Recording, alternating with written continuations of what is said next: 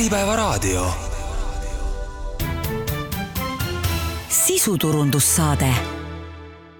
paar, paar lihtsat küsimust, et kes võidab, mis saab majandusest ja, ja kas see, kes võidab, lõpetab Ukraina sõja? ma mõtlesin, et siin ruumis on investorid, mitte spekulandid, et selles mõttes, et selle aastase siin, siin, siin on nii palju tundmatuid, et see on ikkagi täiesti, täiesti võimatu. loomulikult need inimesed, kelle elukutse on ka selliste fenomenide peale panustada, siis äh, olemasoleva teadmise pealt äh, tuleks kindlasti väikese eelisega panna raha Trumpi peale. tal on väga suured eelised äh,, väga suured eelised. et temal on selgelt oma partei täna taga siiski, tänasel hetkel veel, ja ameeriklased keskeltläbi on äärmiselt mitte rahul oma praeguse, praeguse presidendiga tervist ja tere kuulama saadet Investeerimisideede universum, täna räägime Ameerikast ja stuudios on selle saate ristiisa ja idee ellekutsuja Hanno Lindberg KPMG-st, tere Hanno! tere päevast! siis on meil stuudios USA ekspert ja Meta Advisory juht Andreas Kaju, tere! tere! ja siis on meil stuudios finantsekspert Kaius Kiivramees LHV-st, tere! tere! Ja mina olen saatejuht Ando Sinisalu, Ameerika huviline ja olen seal ka elanud ja õppinud, nii et eh, igalühel meist Ameerikaga natuke oma isiklik seos, aga kõigepealt eh, katsume sellest eh, Ameerika fenomenist ja selle majanduse fenomenist aru saada, et kuidas see ikkagi võimalik on, et üks riik, mis ei ole maailma rahvaarvult kõige suurem riik ega territooriumilt kõige suurem riik, ta on üks suuremaid küll, aga mitte kõige-kõigem, on äh, juba sisuliselt üheksateistkümnenda sajandi lõpust alates olnud maailma suurim majandus ja kuigi märgid sellest, et võib-olla tema positsioon lööb kõikuma, on õhus olnud, ei ole seda siiski juhtunud ja päris viimase aja arengud näitavad, et äh, ta liigub pigem ikkagi liidrikursil edasi, mitte ei kaugene sellest, et mis selle USA fenomeni saladus on? Nojah, ma ise olen, kui selline väga suure narratiivi võtta, et siis jäin ka mõtlema ja noh, et ega Ameerikas ei ole kahekümnendal sajandil noh, ühtegi sõda olnud, et noh, kui vaadata Euroopat ja mujal, et noh, et tegelikult USA-s on olemas viimase saja neljakümne aasta statistika, majandusstatistika noh, täies mahus ja noh, kui sa vaatad, et seal on kaheprotsendiline majanduskasv, eks ole, suhteliselt nagu lineaarses selles ja noh, mis see põhjus on, aga noh, ma ise olen ka mõelnud, et noh, et anda see võib-olla sõnajärg nagu üle, et kas ta on siis omaette noh, USA on nagu planeet, on ta siis mingi noh, suur saar, eks ole, et on ta siis mingi kontinent, kontinent või on ta siis mingid tõesti Euroopa ühend, ühendriigid või noh, väga raske on ikkagi sellest Ameerika fenomenist aru saada ja noh, kui veel küsida, eks ole, mida siis need analüütikud arvavad, siis osad analüütikud ütlevad, et noh, et kui te arvasite, et kahekümnes sajand oli USA sajand, siis tegelikult USA sajand on kahekümne esimene sajand, et USA võimsus alles nüüd hakkab pihta. ma siiski äh, ajaloohuvilisena viskaks siia vahele, et Pearl Harbori pommitamine oli põhimõtteliselt ikkagi sõda USA territooriumil, et no, no. ükski riik, ükski riik vist ei ole kauem kui sõda pidanud, kui nemad kahekümne sajandil no aga mitte oma territooriumil, eks ole, no et see jah, et noh, vaata USA-s, eks ole, ma ütlengi, et USA-s oli ainult üks äh, päev, kui börs ei töötanud, eks ole, kogu selle noh, ütleme kahekümnenda sajandi jooksul, noh igal pool mujal on, eks ole, et ikkagi väga palju noh, näiteks nagu ka stock exchange maas olnud. no sõda ei ole olnud, äh, mis, mis veel USA eriliseks teeb, miks, miks see majandus nii tugev on? No töökus on kindlasti, kui minna sellisele väga granulaarsele tasemele ja, ja mit, mitte alustada nagu suurtest makrotrendidest ja, ja julgeolekupoliitikast, et äh, siin eile kuulasin ühte, ühte väga head intervjuud äh, just pensionile mineva ühe Fidelity äh, fondijuhiga, kes on kolmkümmend aastat suutnud näidata oma fondil igal aastal keskeltläbi SNP pluss kolm äh, tootlust ja ta ühe päeva ei ole vaadanud meile ega uudiseid oma enam kui kaheksasaja portfellis oleva ettevõtte tulemuste kohta, see oli see päev, kui ta isa suri. et eh, see on hästi, eh, hästi, hästi hea ilmekas näide nii üksikisiku tasandilt, aga tegelikult selle taga on, on võib-olla laiem äh, tööeetika, selle taga on laiem selline regulatiivne poliitiline raamistik kui ma räägin oma USA kolleegidega, DC-s lobiettevõtete juhtidega, et inimestel on puhkust neliteist päeva aastas, eks, et meie siin on kakskümmend kaheksa on standard, kolmkümmend viis, staaži pealt erinevad boonused, mida professionaalsete teenuste ettevõtted täiendavate puhkuste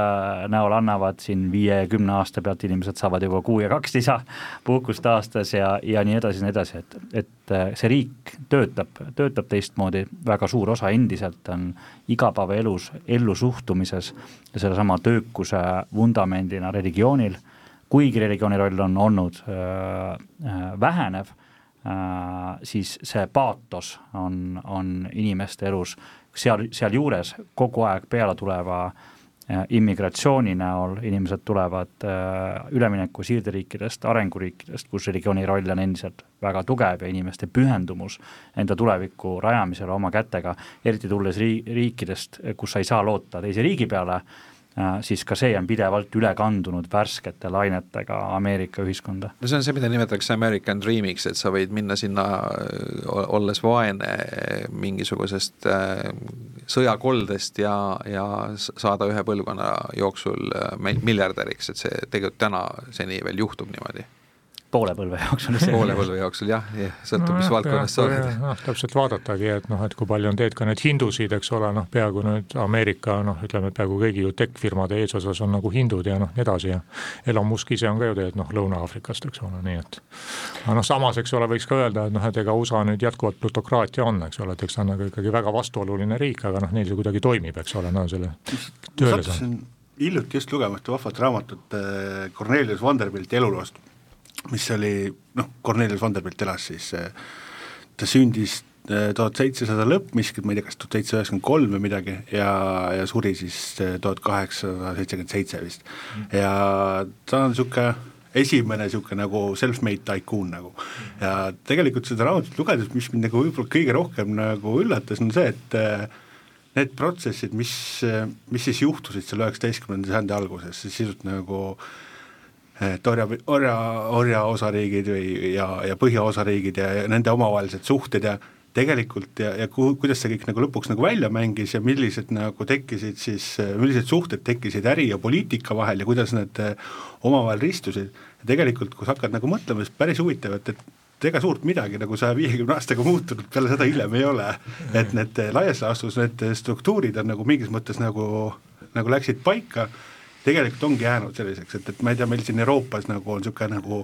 võib-olla halvustav väljend nagu jänki nagu, et, et ameeriklaste kohta, aga tegelikult jänki nagu oma esimeses nagu tähenduses tähendas just seda nagu smart dealing nagu, et nagu niisugust agressiivset ettevõtjat, kes on street smart kes oskab nagu hästi nagu kaubeldada. jaa, ma olengi noh, minu arusaam on ka selline, et kuidas Ameerika siis majandus käis, et kõigepealt olid koprad, eks ole, koprad tapeti maha, eks ole, enam nahku ei saanud. järgmine äri oli tubakas, eks ole, no siis tubakas sai otsa, siis tuli puuvill, eks ole, siis tulid kanalid, raudteed, noh, telekom, eks ole, nad on suutnud kuidagi neid uusi ärisid pidevalt noh, investeerimisvõimalusi nagu peale tuua, kui vaadata, et pidevalt tuleb mingi uus äri peale, eks ole, noh et praegu on, eks ole, et ütleme, et selline tehnoloogiaäri ja noh, et kui see saab otsa, siis nad leiavad jälle kuidagi mingi uue asja ja see... pidevalt see kuradi rahamasin töötab nii, mis kole, noh, ma ei saagi aru, miks, et. et see And-, Andres välja toodud see ettevõtlikkus tegelikult ongi nagu nagu see tegelikult kogu, kogu sellest raamatust nagu läbivalt nagu käis läbi tegelikult, et kui agressiivne see ettevõtluskeskkond on heas mõttes, et nagu kogu aeg maksimaalselt üritada ikkagi nagu nagu heas mõttes riski võtta ja, ja noh, see ongi see minu meelest, mis hästi palju eristab Euroopat ja USA-t näiteks, et, et kui siit nagu võib-olla nagu meie kontinendile tagasi hüpata, siis hästi lihtsustatult ma olen seda isegi niimoodi vaadanud, et vaadata, kuidas majandust finantseeritakse, kuidas ettevõtlust finantseeritakse üldse, et kes mida omab.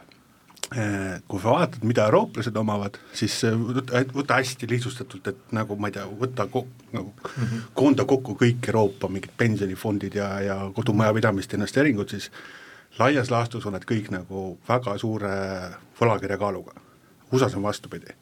ehk eurooplased justkui annavad nagu ameeriklastele laenu ja ameeriklased omavad siis nagu omakapitali, ehk siis nagu upside jääb omakapitali omanikule alati. ja, ja laenaja saab alati lihtsalt oma intressi. no selles on oma, omad põhjused muidugi, miks Ameerika on selline turvasadam kogu ülejäänud maailma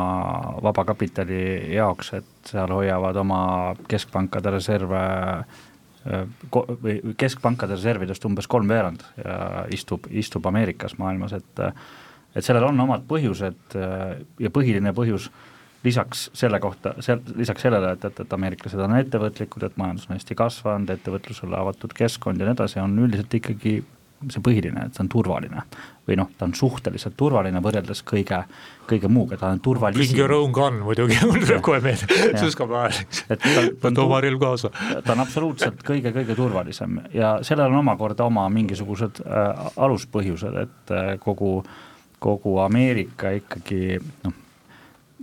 tänasel edulool on oma pikk sissejuhatus ja ega Ameerika ettevõtlus ja majandus ei löönud kohe päris õitsele, et tegelikult nii konföderatsiooni aastad põhiseadusele eelnenud ja kodusõjale eelnenud ja iseseisvussõjale ja seejärel tegelikult kuuskümmend aastat hiljem ka kodusõjale eelnenud ajal, ajal ei olnud äh, niivõrd äge, et vastupidi, Ameerika iseseisvuse, isegi iseseisvuse esimesed viiskümmend aastat olid, olid pigem väga rahuliku majanduskasvu ja väga suure etatismi kesksed. pangad, postkontorid, infrastruktuuriteenused, enamus olid kõik osariikide osalusega, nad kontrollisid turge, konkurentsi ei lubatud, et see kõik lõppes alles kusagil tuhande kaheksasaja kolmekümnendatel, kaheksasaja neljakümnendatel aga, aga mis ma tahtsin öelda, on see, et, et selle tänasel edulool on, on, on suur ja pikk eellugu, mis tegelikult kestis võib-olla kauem, kui isegi oleks pidanud, võib-olla, võib-olla kolmveerand üheksateistkümnendat sajandit. Äh, ja, ja see, et, et nad said niivõrd kaua aega noh, ühiskonnas läbi viia neid muutusi, sealhulgas ka majanduses ja oodata, millal see maagiline kombinatsioon kõik tööle hakkab, et millal tabatakse pakku õigesti, see sai aset leida just tänu sellele turvalisusele. ja selle turvalisuse põhiline põhjus on ameeriklaste geograafiline isolatsioon, et ameeriklaste geograafiline paiknemine eemal, eh, nii kui riik asutati, siis see asutati põhimõttele, et, et ei kunagi enam Euroopa sõjad äh, ei tohiks meid mõjutada ja, ja see isolatsioon ja isolatsioonis olemine on suuresti andnud meile nii aega kui ka, kui ka segamatut sellist ressursikasutust. ma tahakski nüüd Andrease käest teed juurde küsida, et noh, ma siit kusagilt ka lugesin, et et noh, mis on üks, eks ole, võib-olla selle Ameerika mudeli allikas on see, et noh, neil ameeriklased ei ole kunagi selles administratsioonis head või noh, ütleme selles riigivõimus või bürokraatias head, et noh, kuna neil ei ole kunagi olnud vaja ennast nagu valitseda, noh teisalt sa kuuled, eks ole, vaatad, et praegu seda regulatsiooni on siin noh, tegelikult noh, ma saan aru, et kõriauguni ja noh, et kuidas ma ise olen selle lahti mõtestanud, et võib-olla Euroopas on siis rohkem neid, ütleme, traditsioone, et noh, meil on selline kirjutamata noh, nagu seadusi ja Ameerikas, eks ole, kuna sul sellist pikka ajaloolist, eks ole, vaadet ei ole, et siis sa rohkem toetud nagu nendele regulatsioonidele, aga noh, et et noh, kui keegi arvab, et Ameerikas on väga hea administratiivvõimekus, eks ole, siis väidet-, väidetavalt ikkagi ei ole, et noh, seal on ikkagi rohkem selline vabadusepüüdlust, et ja, ja eriti ärivaldkondades, mis tegelikult on siiski nagu regulation heavy, äh, on, on hakkama saamine väljaspoolt tulijal väga-väga keeruline, et sellel on nagu mitu põhjust. Üks ja peamine põhjus on võib-olla ikkagi see, et, et äh, Ameerikas on äh, omavalitsus on pe peaaegu et suverään. Äh,, noh, ei pea ainult nagu Eesti Energia juutaseiklusi äh, vaatama, et kui raske on äh, erinevate keskkonna ja komplekslubade taotlemine, äh, aga üldse kaks kolmandikku Ameerika õigusest tegelikult luuakse osariikide tasemel, et, et meie siit kaugelt läbi meedia kitsa läätse vaatame seda, mis toimub Washingtonis ja need võitlused kongressis, aga tegelikult kui üks Eesti ettevõtja, mul siin ise äh, aitasime äh, aitasime ühel tuntud Eesti tehnoloogiaettevõttel äh, laieneda USA-sse ja noh, selgelt oli vaja neil opereerimiseks erinevates osariikides, äh, sõltuvalt osariigist, kas siis kohaliku omavalitsuse äh, luba teatud juhtudel ka föderaal, föeraallube siis noh, kõigile oli muidugi suureks üllatuseks, et, et selleks ei piisa Washingtonis endale lobisti palkamisest, vaid kõikides osariikides on sul vaja nagu legal, regulatory ja compliance tiimi, kes aitab sul vastavad load kätte saada. ja ma suskaks küsin vahele, et noh, Ando ja Andres, ma saan aru, et te olete ka väga palju USA-s ringi sõitnud, et noh, mina ka selline, mina olen nagu vähem, et ma tean, et idarannik on nagu Euroopa, läänerannik on midagi muud, aga mis seal vahepeal on, et mis seal keskel no, on, eks ole? mina olen seal vahepeal elanud eh, Ohio osariigis, mis on siis selline eh, see Bible Belt või see konservatiivne osa USA-st ja tegelikult ega seal Iowa County noh, tegelikult ütleme väljaspool, väljaspool suurlinnu see elu mm. noh, ütleme niimoodi, et ega, ega näiteks West Virginia, mis on üks vaesemaid osariike seal, ega ta niimoodi autoga ringi sõites väga sellist optimistlikku muljet ei jäta, et see on ikkagi päris, päris selline mahajäänud ja, ja vaene ja need inimesed ka, kes seal on, on, on noh, nii-öelda see, see rednecks nende kohta halvustav ütlemine, aga tegelikult ega ega nad nüüd ütleme päris ausalt, ülemäära intelligentset muljet ei jäta küll. aga, aga samal ajal see on võib-olla ka, ma ei tea, kas Ameerika jaoks kõige suurem nagu oht või see, see, see ebavõrdsus või see meeletu äh, Äh, meeletu erinevus, et, et ma saan aru, et tegelikult see kapitali koondumine järjest vähemate inimeste kätte nagu kasvab, et tegelikult varsti äh, varsti ongi niimoodi, et, et, et mingi, mis see täna on, et, et et see, see suhe ei ole ammu enam kaheksakümmend, kakskümmend, et see on mingi üheksakümmend viis, viis või et kui, kui palju seal on üks ja kümme protsenti, nad ütlevad, et noh, ühe protsendi käes, ma lihtsalt suskan vahele, et see on ka päris huvitav noh, diskussioon, mis siin oli, et noh, Piketty oli see, kes väitis, et noh, see ebavõrdsus järjest suureneb, nüüd viimases Economistis vist kaks nädalat tagasi oli see vastuväide, et noh, tegelikult see ebavõrdsus noh, nagu väheneb, see oli jälle selle, või noh, mitte ta ei vähene, aga noh, tegelikult ta ei lähe suuremaks, eks ole, see oli jälle selle noh, majandusteooria nagu kriitika, ehk siis huvitav on see, et ega me tegelikult ei tea. noh, fakt on see, et mingid majandusteadlased uurivad, aga noh, me reaalselt ei tea, et kas siis nüüd see ebavõrdsus suureneb või mitte, mida me teame, et need suured varandused on väga palju suuremaks läinud. aga noh, et kui me nüüd ebavõrdsusest räägime, et noh, seal tegelikult majandusteaduslikku vastust vähemalt ei ole. kas, kas suhteliselt täna Jeff Bezos on, on või, või Elon Musk on rikkam, kui oli omal ajal Rockefeller või, või ei ole, et, et selle no, üle on ka päris palju vaidlusi. noh, mul on mingi statistika, et ütleme, et kui seal enne esimest maailmasõda USA-s, eks ole, kes seal see kõige, ma võin isegi selle üles otsida, kõige rikkam inimene, noh, seal oli umbes, tema rikkus oli miljoneid aastapalkasid, noh, siis ütleme, et aastaks kaheksakümmend kaks oli Ludwig, seda ma nüüd mäletan, Ludwigil kaheksakümmend kaks oli siis umbes sada tuhat aastapalka. oli noh, see vahe, eks ole, noh, sellise keskmise selle vahe, siis ta praegu on jälle kõvasti nagu muidugi üles läinud, jah juhtide palgad ja see vahekord, ütleme nii-öelda ettevõttesse siseneva töötaja esimene põhipalk ja ettevõtte juhi põhipalk ja nende palkade delta on nagu kasvanud, eks ole,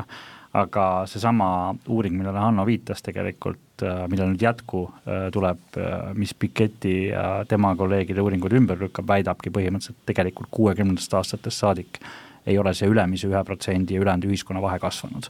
erinevalt sellest, mida siin vahepeal on, on, on väidetud erinevate vasakpoolsemate äh, majandusteadlaste poolt, nii et selles osas on nii-öelda, nagu öeldakse, the jury is still out aga, aga teine teema, millest Ameerikaga seoses ka väga palju räägitakse, on need äh, kõikvõimalikud sotsiaalsed garantiid, et äh, et see inimeste hulk, kellel ei ole siis tervisekindlustus näiteks, kes põhimõtteliselt äh, ei saa endale lubada isegi eluohtlikus olukorras või noh, ütleme finantsiliselt lubada tervistavaid operatsioone ja nii edasi, et et noh, selle üle ka nagu skeptikud räägivad, et noh, et see ei saa nagu lõpmatuseni nii kesta, et see tegelikult see inimeste hulk, kellel ei ole sotsiaalseid garantiisid, et seal peaks mingisugune sotsiaalne plahvatus nagu toimuma. No, see on nii ja naa minu meelest, et äh, seda saab, äh, see on niisugune hästi Euroopa narratiiv minu meelest. et kui sa vaatad, ma ei tea, Hiinat näiteks, et noh, Hiinas puudub igasugune social safety net. see on see, miks nagu seal nagu see nimetatud savings rate on nelikümmend prossa nagu Hmm. et kui sul puudub igasugune safety net, sa pead ise nagu säästma selleks, et sul oleks nagu see safety net et sa ise lood selle safety net endale. et see selline social safety net, see on niisugune Euroopa fenomen, seda minu meelest nagu või noh, niisugune jõuka lääne fenomen ja poolel siis nagu nii-öelda a la USA, poolel siis ei ole ja teisel poolel on see. aga minu meelest on see täpselt niisugune nagu valikute ja kultuuri küsimus nagu et, et, et see ei saa kriitiliseks, äh, et see, see no, eile, eile tegelikult oli Bloombergis, ma just viitasin, kui ma nüüd nimega õieti panen, äkki oli Gene Ludwig, aga noh, Bloombergis keegi esines, kes muidugi ütles, et noh, et USA ametlik tööpuudus on neli protsenti, kolm koma üheksa, kolm koma seitse, mis ta seal viimane on. aga kui sa vaatad, et need, nende inimeste arv, kes toime ei tule tegelikult oma palgaga, on kakskümmend kolm protsenti, noh, tema väide oli nagu selline, et tegelik tööpuudus on kusagil kahekümne protsendi kandis. et noh, sa oled küll tööl, aga noh, tegelikult sa ei saa, noh, sa ei tule väga nagu ots otsaga kokku no see, see nii-öelda palgavaesuse teema ka, et, et tegelikult see, see on ju ka, ka meil, eks ole, täna, täna teema, aga aga põhimõtteliselt äh, need jutud, et, et isegi inimesed, kes töötavad Silicon Valley's äh, headel kohtadel tehnoloogiasektoris, et nad põhimõtteliselt ei saa elada seal, et nad peavad autos ööbima, sest eh, palgaga sada tuhat dollarit aastas ei ole võimalik endale eluaset lubada, rääkimata väiksematest palkadest, et, et noh, see tegelikult ei ole ka meile võõras, eks ole, et see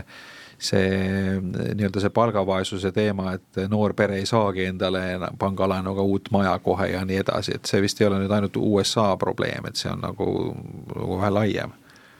lihtsalt ma arvan, need numbrid ja need tõdemused räägivad lihtsalt sellest, et nagu kõiki asju korraga ei saa, et sa ei saa korraga maailma kõige paremat ravimitööstust ja maailma kõige innovatiivsemat tervishoiusüsteemi, et Ameerikas suudetakse inimesi ravida tasemel, no mis ei ole võrreldav peaaegu mitte, mitte mingi muu kohaga maailmas et äh, selle teine pool ja see on niimoodi tänu sellele, et Ameerikas on tervishoius hästi palju raha, sinna lähevad seetõttu ka väga head talendid, seal on parimad ettevõtted, äh, parimad, parim, parimad arstid äh, lähevad sinna, seal tehakse parimat teadust, seal on parim par, farma äh, ettevõtlus. Ja selle teine pool on, on tõesti see, et selle peab keegi maksma ja kuna äh, Ameerikas ühiskond on nõus solidaarselt maksma eakate osa ennekõike, et Medicare on, on, on ennekõike eakatele ja teatud erisused on veel, siis on veel osariikide põhiseid äh, lahendusi, siis, äh, siis jah, mingi osa inimestest kukub sellest võrgustikust läbi, aga et lihtsalt olukord ei ole ka liiga dramaatiline, kui jah, ta on e eestlase ja eurooplase jaoks on kindlasti vastuvõetamatu mingis mõttes see risk, mille inimene võtab Ameerikas äh, sest et noh, looduse loto eest me ei ole keegi kaitstud, on ju, ja kui sa oled raskel hetkel, siis oled nagu kindlustuseta ja jääd raskelt haigeks, siis on, on väga-väga-väga kehv seis. aga see protsent, kui palju Ameerikas on inimesi kindlustatud, see on üheksakümmend kaks et selles mõttes see ei ole viiskümmend, eks ole, või kolmkümmend või kuuskümmend, see on üheksakümmend kaks protsenti, kes on kaetud. Äh, ühe või teistsuguse okay. tervisekindlustusega aasta jooksul. aga ma tuleks korra Andrese käest ka ikka küsiks, et tuleks tagasi, ma olen ikka uudishimulik, et mis seal keskel, Ameerika keskel siis ikkagi on, eks ole? sa oled ka käinud ringi, et noh, et vaata, seal on, eks ole, ma tean, rannik, rannik, mis seal keskel on. aga see keskpaik tegelikult on kohati kohati euroopalikum äh, võib-olla kui rannikud, et rannikud on ju üle kogu maailma immigrantide põhilised tõmbekeskused aga tegelikult Ameerika kesklääs, nagu seda kutsutakse, kuhu seesama Ohio jääb sisse äh,, Iowa, Michigan, Pennsylvania äh,, need on tegelikult väga, väga euroopalikud, need on, need on põhilised Euroopa, väga, väga ka Põhja-Euroopa ja Saksamaa väljarändajad äh, ja äärmiselt ka evangeelsete protestantlike väljarändajate tegelikult äh, keskused, kus äh, endiselt Trump on meie mees, ta on sakslane, jah. E, e, jah, aga noh, se-, selle, selle Trumpi fenomeni äh, juured seal keskläänes seonduvad selle äh, Ameerika viie, kuuekümnendatel, seitsmekümnendatel rajatud tööstuse äh, ra-, raske seisuga, eks ole, kus just needsamad valdavalt Põhja-Euroopa väljarändajad äh, valgete põhjaeurooplaste väljarändajate, väljarändajatest pered olid oma, oma äh, kodud loonud ja kus oli võimalik pärast keskkooli tegelikult tehasesse tööle minnes töötada seal julgelt kuni pensionini ja hoida sellest sissetulekust ja ka hiljem pensionist üleval kogu oma, oma peret mõistlikul, mõistlikul tasemel. et see elu on ära lõppenud ja nüüd see raske üleminek, äh, mis erinevates osariikides kulgeb erineva kiirusega, väga palju osariikide ja ka föderaalvalitsuse toetuste toel täna, mis ületavad igas mõttes Euroopa igasugused sarnased dotatsiooniskeemid äh,, äh, siis, siis nende osade, osariikide ja, ja perede raskused on, on tegelikult Trumpi edu taga, just see üleminek, see faasinihe Äh, ühesuguselt majandusstruktuurilt teistsugusele. kuna meil siin ikka natukene on huumorisaade ka, et me ei tohi seda ära unustada, siis äh, natukene peaks rääkida ka, peaks rääkima ka Trumpi uuest soengust, eks ole, ja noh, see, kus mina, kui ma veel noor olen, siis räägiti seda, et noh, sõltuvalt sellest, kus sa lahku kannad, eks ole, kas oma juukseid kas vasakult poolt paremale või paremalt poolt vasakule, et see näitas ka su poliitilist eelistust, eks ole, ma nüüd vaatan, Handol on siin vasakult paremale, Andreasel on ka vasakult paremale, mul ei ole juukseid, eks ole. Mul ei ole poliitilist eelistust, mul ei ole poliitilist sellist eelistust, et Andreas, äkki sa mäletad, sul on ka see teooria meeles või kuidas see oli, et see lahuteooria või sa ei tea seda või ei ole sellist teooriat või? ei no mul on huvi võib-olla seda ise varjata, seda teooriat, et äh, aga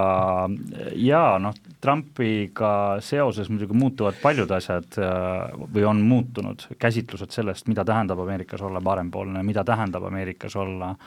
vasakpoolne, väga kiiresti on muutumas olnud ka seniseks väga traditsioonilised seisukohad äh, Ameerika kahe suure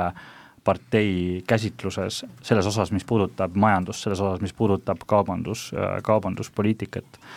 üleüldse noh, meie probleem muidugi on see, et, et me oleme enda nagu eelarvamuste kütkes ja meie eelarvamusi on kujundanud ennekõike viimase kahekümne viie aasta kogemus, on ju, et, et mis me oleme nagu vabas maailmas saanud olla ja kuidas me oleme Ameerikat näinud. ja need viimased kakskümmend viis aastat me nägime Ameerikat kui sellised, sellist äh, rahudividende nautivat, maailma julgeolekut tagavat, vabakaubanduse eest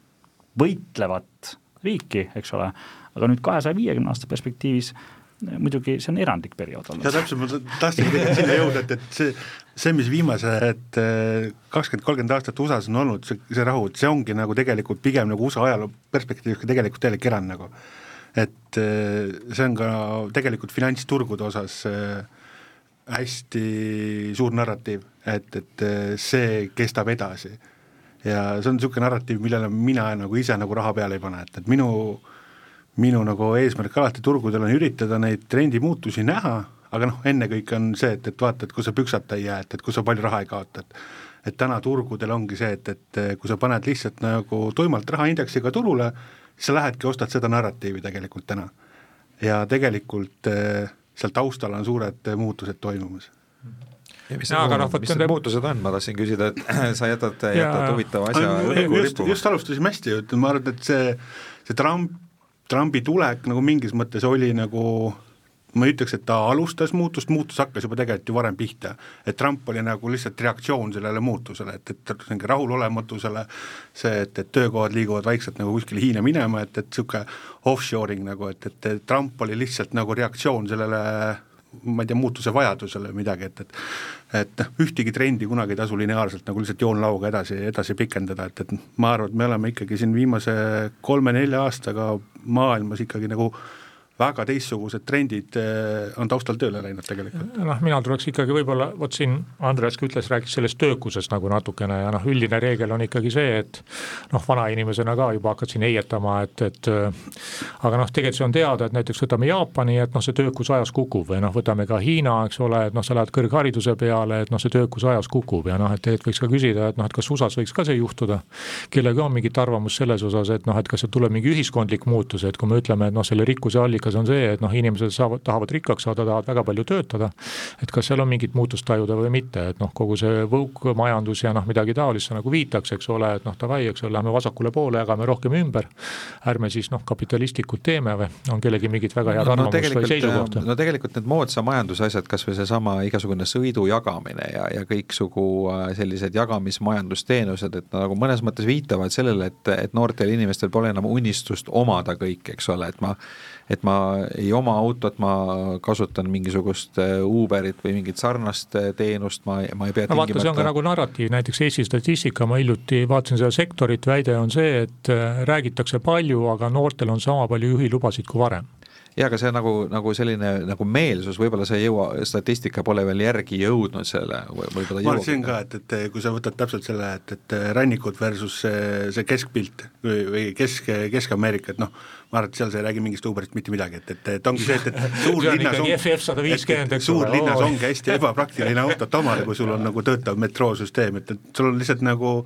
noh, USA-s mingis mõttes on nagu jah, nagu sul on suurlinnad, kus on nagu metroo hästi toimiv, on ju, aga tegelikult USA on ikkagi loodud nagu autode peal äh, nagu toimima. no ütleme, sealsamas Ohio's, kus mina elasin, ei olnud ilma autota lihtsalt võimalik üldse elada, ma ei saanud poeski käia, sellepärast et ei olnud kõnniteed ja, ja, ja, ja buss ei, buss käis korra, korra päevas ainult, et see oli täiesti võimatu. aga, aga ikkagi nagu see meeldus, meelsus nagu liigub sinna, et no ühest küljest on see kantud, eks ole, sellest kliimaprobleemist, teisest küljest on nagu üldiselt sellised võib-olla heaolu ühiskonnaga kaasnevad teatud protestimeeleolud, no meil on nad üsna tugevalt tuntavad, et noh, ma saan aru, et et kas, kas USA-s nad on ainult nende, nende rannikualade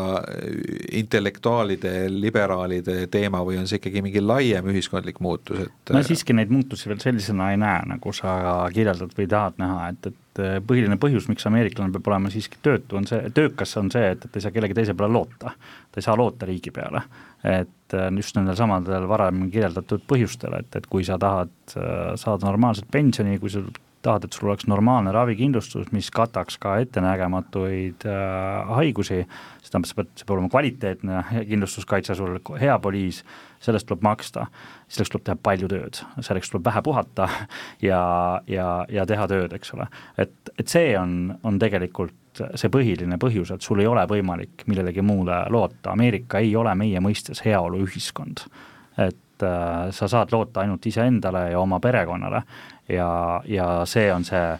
nagu ameeriklased ütlevad, nucleus, äh, see tuum. äh, aga kas, vot et noh, neil on ju need at will noh, töölepingud, me isegi ei tea, et noh, tavaliselt ju sellises eraettevõttes sa saad ju päevapealt inimesi lahti lasta, nüüd mingit kompensatsiooni ka noh, minu arusaama kohaselt väga maksma ei pea, eks ole, see on see regulatsioon, aga huvitav, kas ülikoolides on ka samamoodi või, või ülikoolides on, saad ka päevapealt või? ei, Ameerikas on samamoodi, professoritel on tenure ehk et sul on Aa, ikkagi okay, okay, võimalik tenuur no,. see on siis Euroopa süsteem, eks ole. et, et seal on ka võimalik olla no. ikkagi elu lõpuni aga, aga see, see hea, heaoluühiskonna teema on muidugi päris põnev, et, et sinu väitest tuleb nagu välja, et, et heaoluühiskond ja selline majanduslik edu on omavahel kuidagi pöördvõrdelises seoses, et et sa enne, Andres, ütlesid, et heaoluühiskonna puudumine USA-s on tegelikult selle töökuse alus ei no samas kindlasti Põhja-Koreas ka sa ei saa, seal on ikka muid komponente, muid komponente on ka ikkagi, majandus peab olema produktiivne ja ressursid peavad efektiivselt leidma tee sinna, kus tootlus on kõige parem ja süsteem ja institutsioonid peavad seda kõike, kõike toetama, et Ameerikas on ka kõik muud komponendid paigas, aga lihtsalt kui me võrdleme nagu Ceteris Paribus vaatame Euroopa ja, ja USA ülesehitust, siis ameeriklastel läheb paremini, miks läheb paremini, tegelikult lisaks kõigele muule tehakse ka rohkem tööd. siin on Aga, hästi huvitavad, ma olen ise investeerinud äh, hästi palju, hästi nagu erinevatesse kohtadesse, USA, Euroopa, Põhja-Euroopa arenguriigid, et siis tegelikult ikkagi ma tooks USA ühe tugevusena välja seda, et USA-l on väga tugevad institutsioonid. Et me võime mõelda küll, et jah, see Washingtonis on nagu, nagu palju segadust, aga tegelikult nagu Andres ka mainis, tegelikult USA-s institutsioonid on tugevad ja see on nagu üks hästi tugev alus USA-le. ja kui sa vaatad äh, natukene nagu võib-olla laiemalt, et äh, et mis see nagu võib-olla kõige lihtsam, et miks nagu kapital kuskil nagu, miks kapital kuhugi tahab minna, siis kapital läheb alati sinna, kus teda hästi koheldakse. ja kui vaadata, et kuidas kapitali kuskil kohtades siis koheldakse ja kui efektiivselt see nagu, nagu ringi käib, siis USA on siin ikkagi nagu pika puuga nagu kõige kiirem koht. et noh, võtame lihtsalt näiteks äh, pankrotiprotsessid et isegi Eestis on pankrotiprotsess on mingisugune aastatepikkune mingi õudus. Äh, kui sa vaatasid näiteks USA-s, et kuidas näiteks nagu seal, kui see suur shale oil buum oli, on ju, shale buum oli, et siis äh, riburada pidi hunnikutes ettevõtted läks pankrotti ja kui ma nagu, mulle hästi meeldivad nagu ettevõtted, mis istuvad pankrotist väljas, et neil ei ole mitte mingeid kohustusi, varad on puhtad, kulubaasi pole, põhimõtteliselt on niisugune sõida nagu raketiga. mulle väga meeldivad nagu et chapter eleven'ist välja tulevad ettevõtted, ma otsin neid tikku tule kogu aeg taga mm. ja USA-s, kui ma jälgisin seda nagu nafta, toona siis naftakriisi või ma ei tea, kaks tuhat kuusteist, seitseteist, kaheksateist, kus nagu kogu sektor seal õhku lendas in corpore. see oli see, sedasi, et, et äh,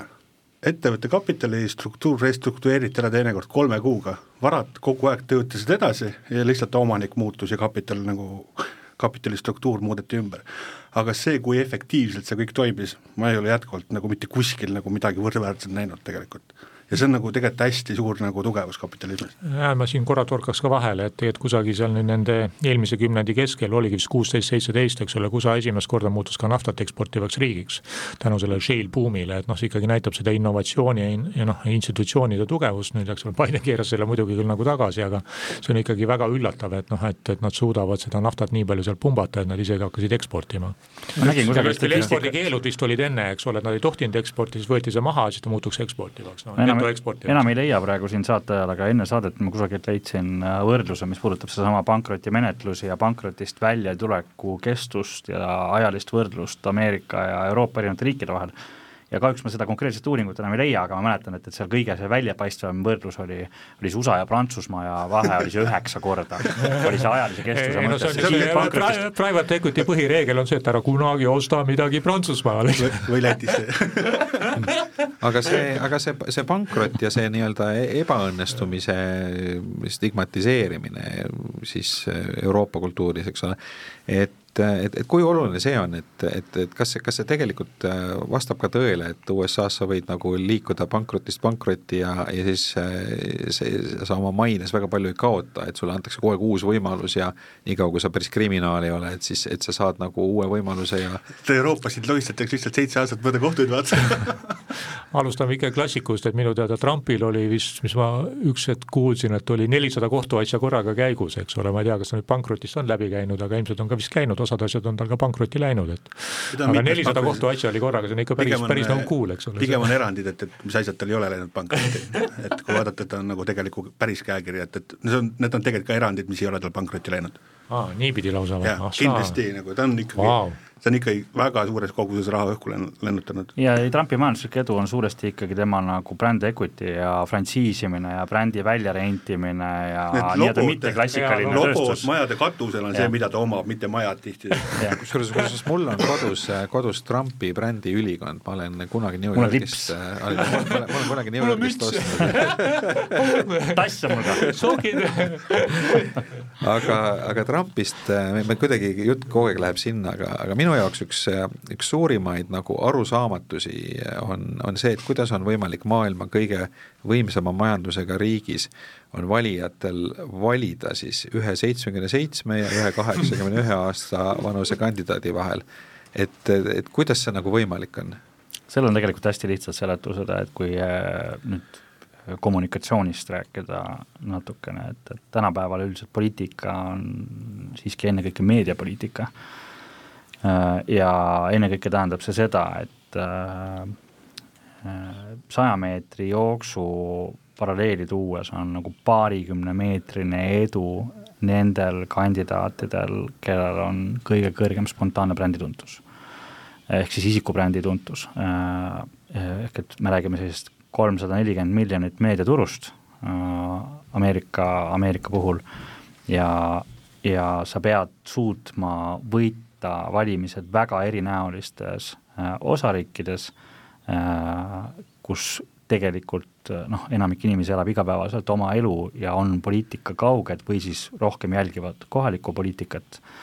ja sellest üleriigilisest nagu poliitilisest narratiivist ja meediadiskursusest paistavadki välja ainult need kõige-kõige tuntumad äh, karakterid.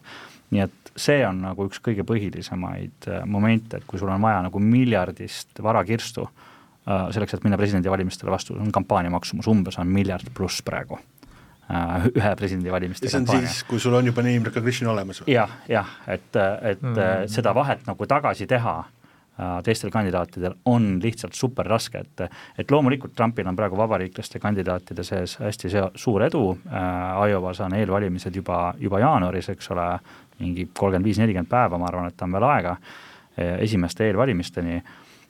seis ei ole seal teiste kandidaatide jaoks lootusetu, aga äh, noh, teisel-kolmandal kohal on Ron DeSantis ja, ja Nikki Haley, eks ole, muuseas vabariiklaste seas ka esimesest viiest kandidaadist kaks on hindud äh, oma taustalt, eks ole, nii Nikki Haley kui ka Vivek Ramaswamy.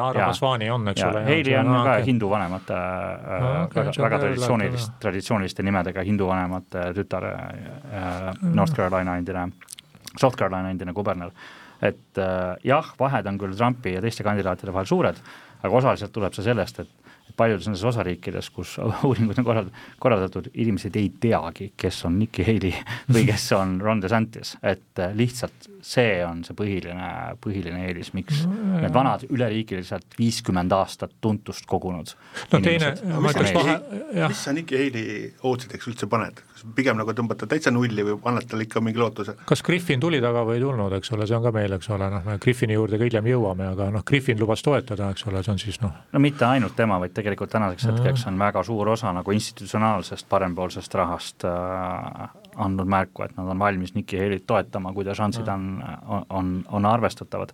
täna on seis veel väga keeruline, et noh, me räägime ikkagi sellest, et kui kõik teised kandidaadid taandaksid, peale Trumpi taandaksid oma kandidatuuri vastavalt siis kas Nikki Haley või Ron DeSantise kasuks, noh, siis võib-olla osades osariikides, võib-olla osades osariikides on nagu Trump löögiulatuses et see on tänane seis, ehk et äh, ta on ikkagi nagu outside äh,, see on nagu contender, et et üle, üle nagu üle sellise viieteist protsendi on nagu raske panna ja see juba arvestab sisse, et Trumpil on kohtuasjad, et, et äkki võib tulla nagu süsteemiväline löök, mis tal vähemalt ühe jala alt lööb, eks ole. võib-olla see vanuse osas ka, kui siin noh, hiljuti vaatasime ka teie Eesti ettevõtete omanike nagu vanuse järgi ja noh, minu jaoks oli ka üllatus, et meil tuli välja sada kolm aastat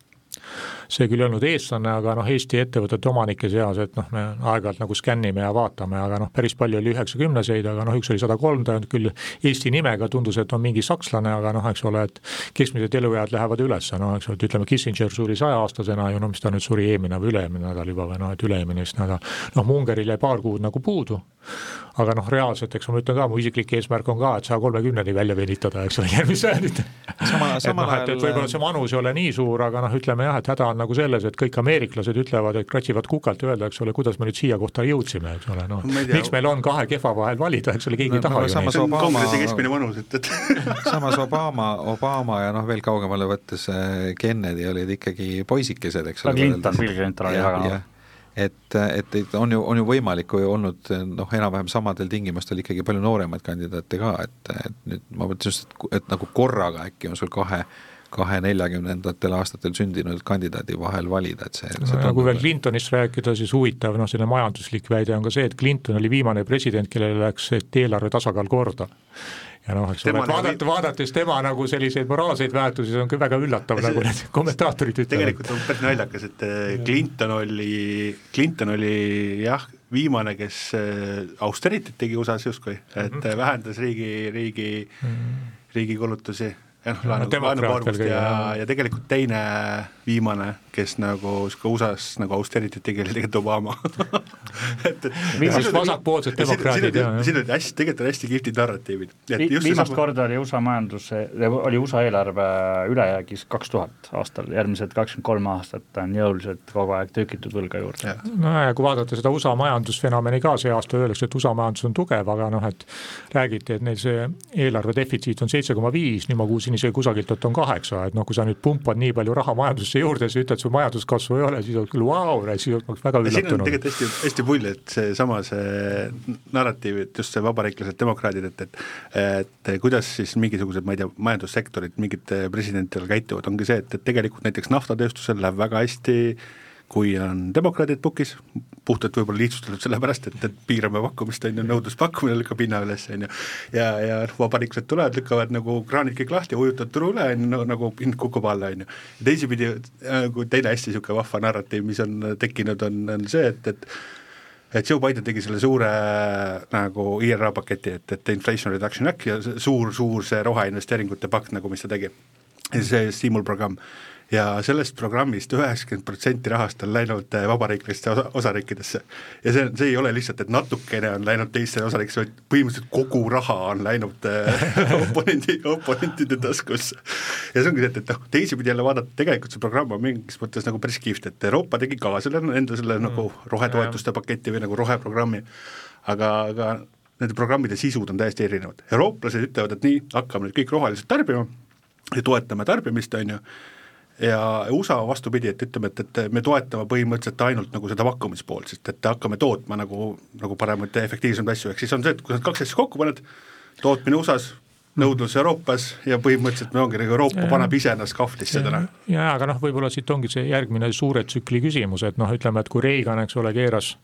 noh, öeldakse, et Teine maailmasõda oli USA-s nagu selline vasakpoolne, et Reagan keeras selle rohkem nagu paremale poole, et noh, kas me oleme nüüd uue selle vasakpoolse nagu tsükli nagu lävel ja see on kõige naljakam, et võib-olla Trump ja sellised, et noh, nende läbi toetustega noh, väga selgelt see Bidenomics on minu arusaama kohaselt ikka selline suhteliselt noh, nagu vasakpoolne programm, pigem vasakpoolne, et noh, et kas me olemegi nüüd uue sellise USA vasakpoolsuse kantsis või? ennem oli niisugune ka, et, et mingi niisugust USA või noh, laiemalt niisugust voukismist või, või kuidas seda eesti keeles nagu isegi tõlgitakse, ma isegi ei tea, aga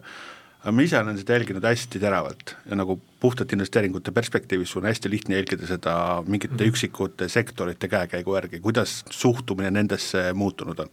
energia, vana energia on hea näide. ja minu meelest me oleme sellest peak vogue'ist juba mingi kaks-kolm aastat nagu üle ja see trend on selgelt nagu taga, taganev. ja see, mis täna näiteks toimub nagu Harvardi ülikooli ümber, minu meelest on hästi märgiline. ehk see ongi see näide sellest, et me oleme peak woke'ist üle ja pigem nagu töötatakse pigem sellele vastu aga noh, Andreas, et noh, võtame siis selle poliitika, poliitikasektsiooni lõppu, et noh, mis siis ikkagi saab, kes võidab ja mis majandusega juhtub ja sellised. me teeme panuseid sinu peale, et siin Kaius investeerib ja, ja üks, kogu üks, Eesti üks, raha nüüd kõigi, kogu Eesti pensionifondide raha läheb sinna ennustuse peale nüüd. paar, paar lihtsat küsimust, et kes võidab, mis saab majandusest ja, ja kas see, kes võidab, lõpetab Ukraina sõja? Ma mõtlesin, et siin ruumis on investorid, mitte spekulandid, et selles mõttes, et selle aastase siin, siin, siin on nii palju tundmatuid, et see on ikkagi täiesti, täiesti võimatu. loomulikult need inimesed, kelle elukutse on ka selliste fenomenide peale panustada, siis äh, olemasoleva teadmise pealt äh, tuleks kindlasti väikese eelisega panna raha Trumpi peale. tal on väga suured eelised, äh, väga suured eelised et temal on selgelt oma partei täna taga äh, siiski tänasel hetkel veel. Ja ameeriklased keskeltläbi on äärmiselt mitte rahul oma praeguse, praeguse presidendiga, miks see täpselt on, on juba keerulisem küsimus ja kas osa sellest vastuolekust on ajutine, on ka tegelikult arvestatav võimalus, et äh, täna, miks Biden on reitingutes Trumpist peaasjalikult maas, ei ole mitte sellepärast, et ühiskonna toetus Trumpile oleks suurem kui kunagi varem, ei ole et äh, pigem teda toetab endiselt seesama osa vabariiklaste valijatest, kes viimased äh, äh, kaheksa aastat seda teinud on, pigem on probleem täna demokraatides, kellest sisuliselt viiskümmend protsenti ütleb, et et te võiksite meie kandidaadiks nimetada ükskõik kelle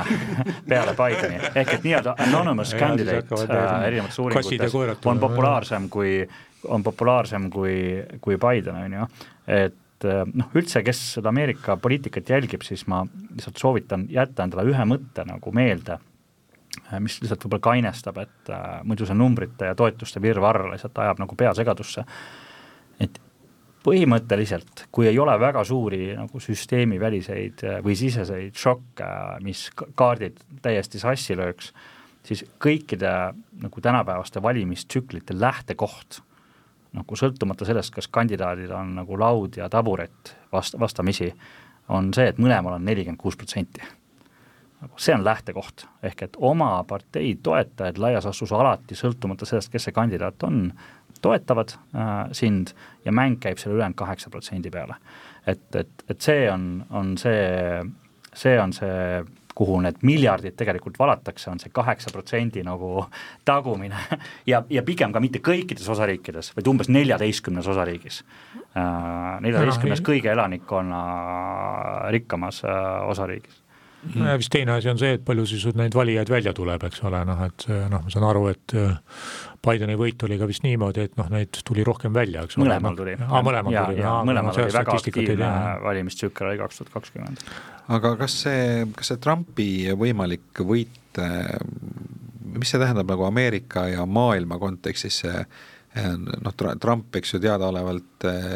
üritas Hiinaga seda võib-olla isegi natuke kunstlikult seda vastuolu üles kiskuda ja ta on lubanud Ukraina sõja lõpetada ja ja kõik see tema see retoorika Trump alustas Hiinaga tegelikult seda narratiivi nagu täpselt sellest valupunktist nagu, et see valupunkt oligi tugev, aga kui sa vaatad seda, et, et äh, mis nagu kas siis peale Trumpi nagu midagi muutus Hiina suunal või risti vastupidi, Joe Biden on kruttinud kruvisid kolm korda veel nagu rohkem nagu peale. et äh, noh, tegelikult sul on nagu mingis mõttes niisugune, ma ei tea, poliitiline tellimus. et see valupunkt on ikkagi nagu ühiskonnas nagu näha ja noh, eks sa, ma vaatan kõiki protsesse nagu kui niisugune nagu reaktsioone nagu, et, et kui sul ikkagi nagu on nagu tugevad valupunktid, siis noh poliitiliselt sa pead neid vajutama, keegi vajutab, sest neid on odav vajutada nendega saab odavalt hääli. Nojah, ma arvan, et ikkagi Trump on nagu pro-business, et üks kõige Trumpi huvitavamaid selliseid paradoksaalseid tulemusi oli ju see, et ütles, et noh, ehitame selle Äh, piiri, piiri nagu tara, eks ole, sinna Mehhikoga ja noh, mida nad siis tegid, piiritarani nad ei jõudnud, aga nad ehitasid äh, teed selle piiritarade tegemiseks ja tulemus oli see, et smugeldajad, smugeldajatel oli palju parem liikuda, eks ole, sellepärast et rohkem teid oli, eks ole, smugeldamine tegelikult läks üles. tara nagu ei tulnud, aga noh, ütleme, et see üle piiri liikumine läks paremaks, eks ole, kui nad tegid infra, eks ole, selleks, et saaks noh, üle piiri tegelikult Marts, nagu liikuda. väga huvitavad ja paradoksaalsed tulemused. see migratsioon on tegelikult USA majanduse perspektiivist hästi oluline, et USA on ikkagi suur osa USA majanduskasvust on tulnud läbi migratsiooni. et äh, seda ei tohi alahinnata. Ja noh, kui sa lükkad nagu piire kinni, kinni ja noh, sa tegelikult võtad umbes kolmandiku majanduskasvust kohe minema. Aga see, aga see nende geograafiliste allianside teema, et Vene, Venemaa üritab siin, eks ole, tekitada mingit Venemaa pluss globaalne lõuna tüüpi allianssi ja ja, ja, ja noh, me, me siin näeme, eks ju, seda sõjalist allianssi, üritame Euroopas USA-ga se, se, seda tugevdada, aga aga ma olen kuulnud ka teooriaid, et USA tegelikult noh, see potentsiaal võiks olla rohkem see põhja-lõuna suuna Ameerika kontinendil, et, et kui õnnestuks tekitada selline suurem,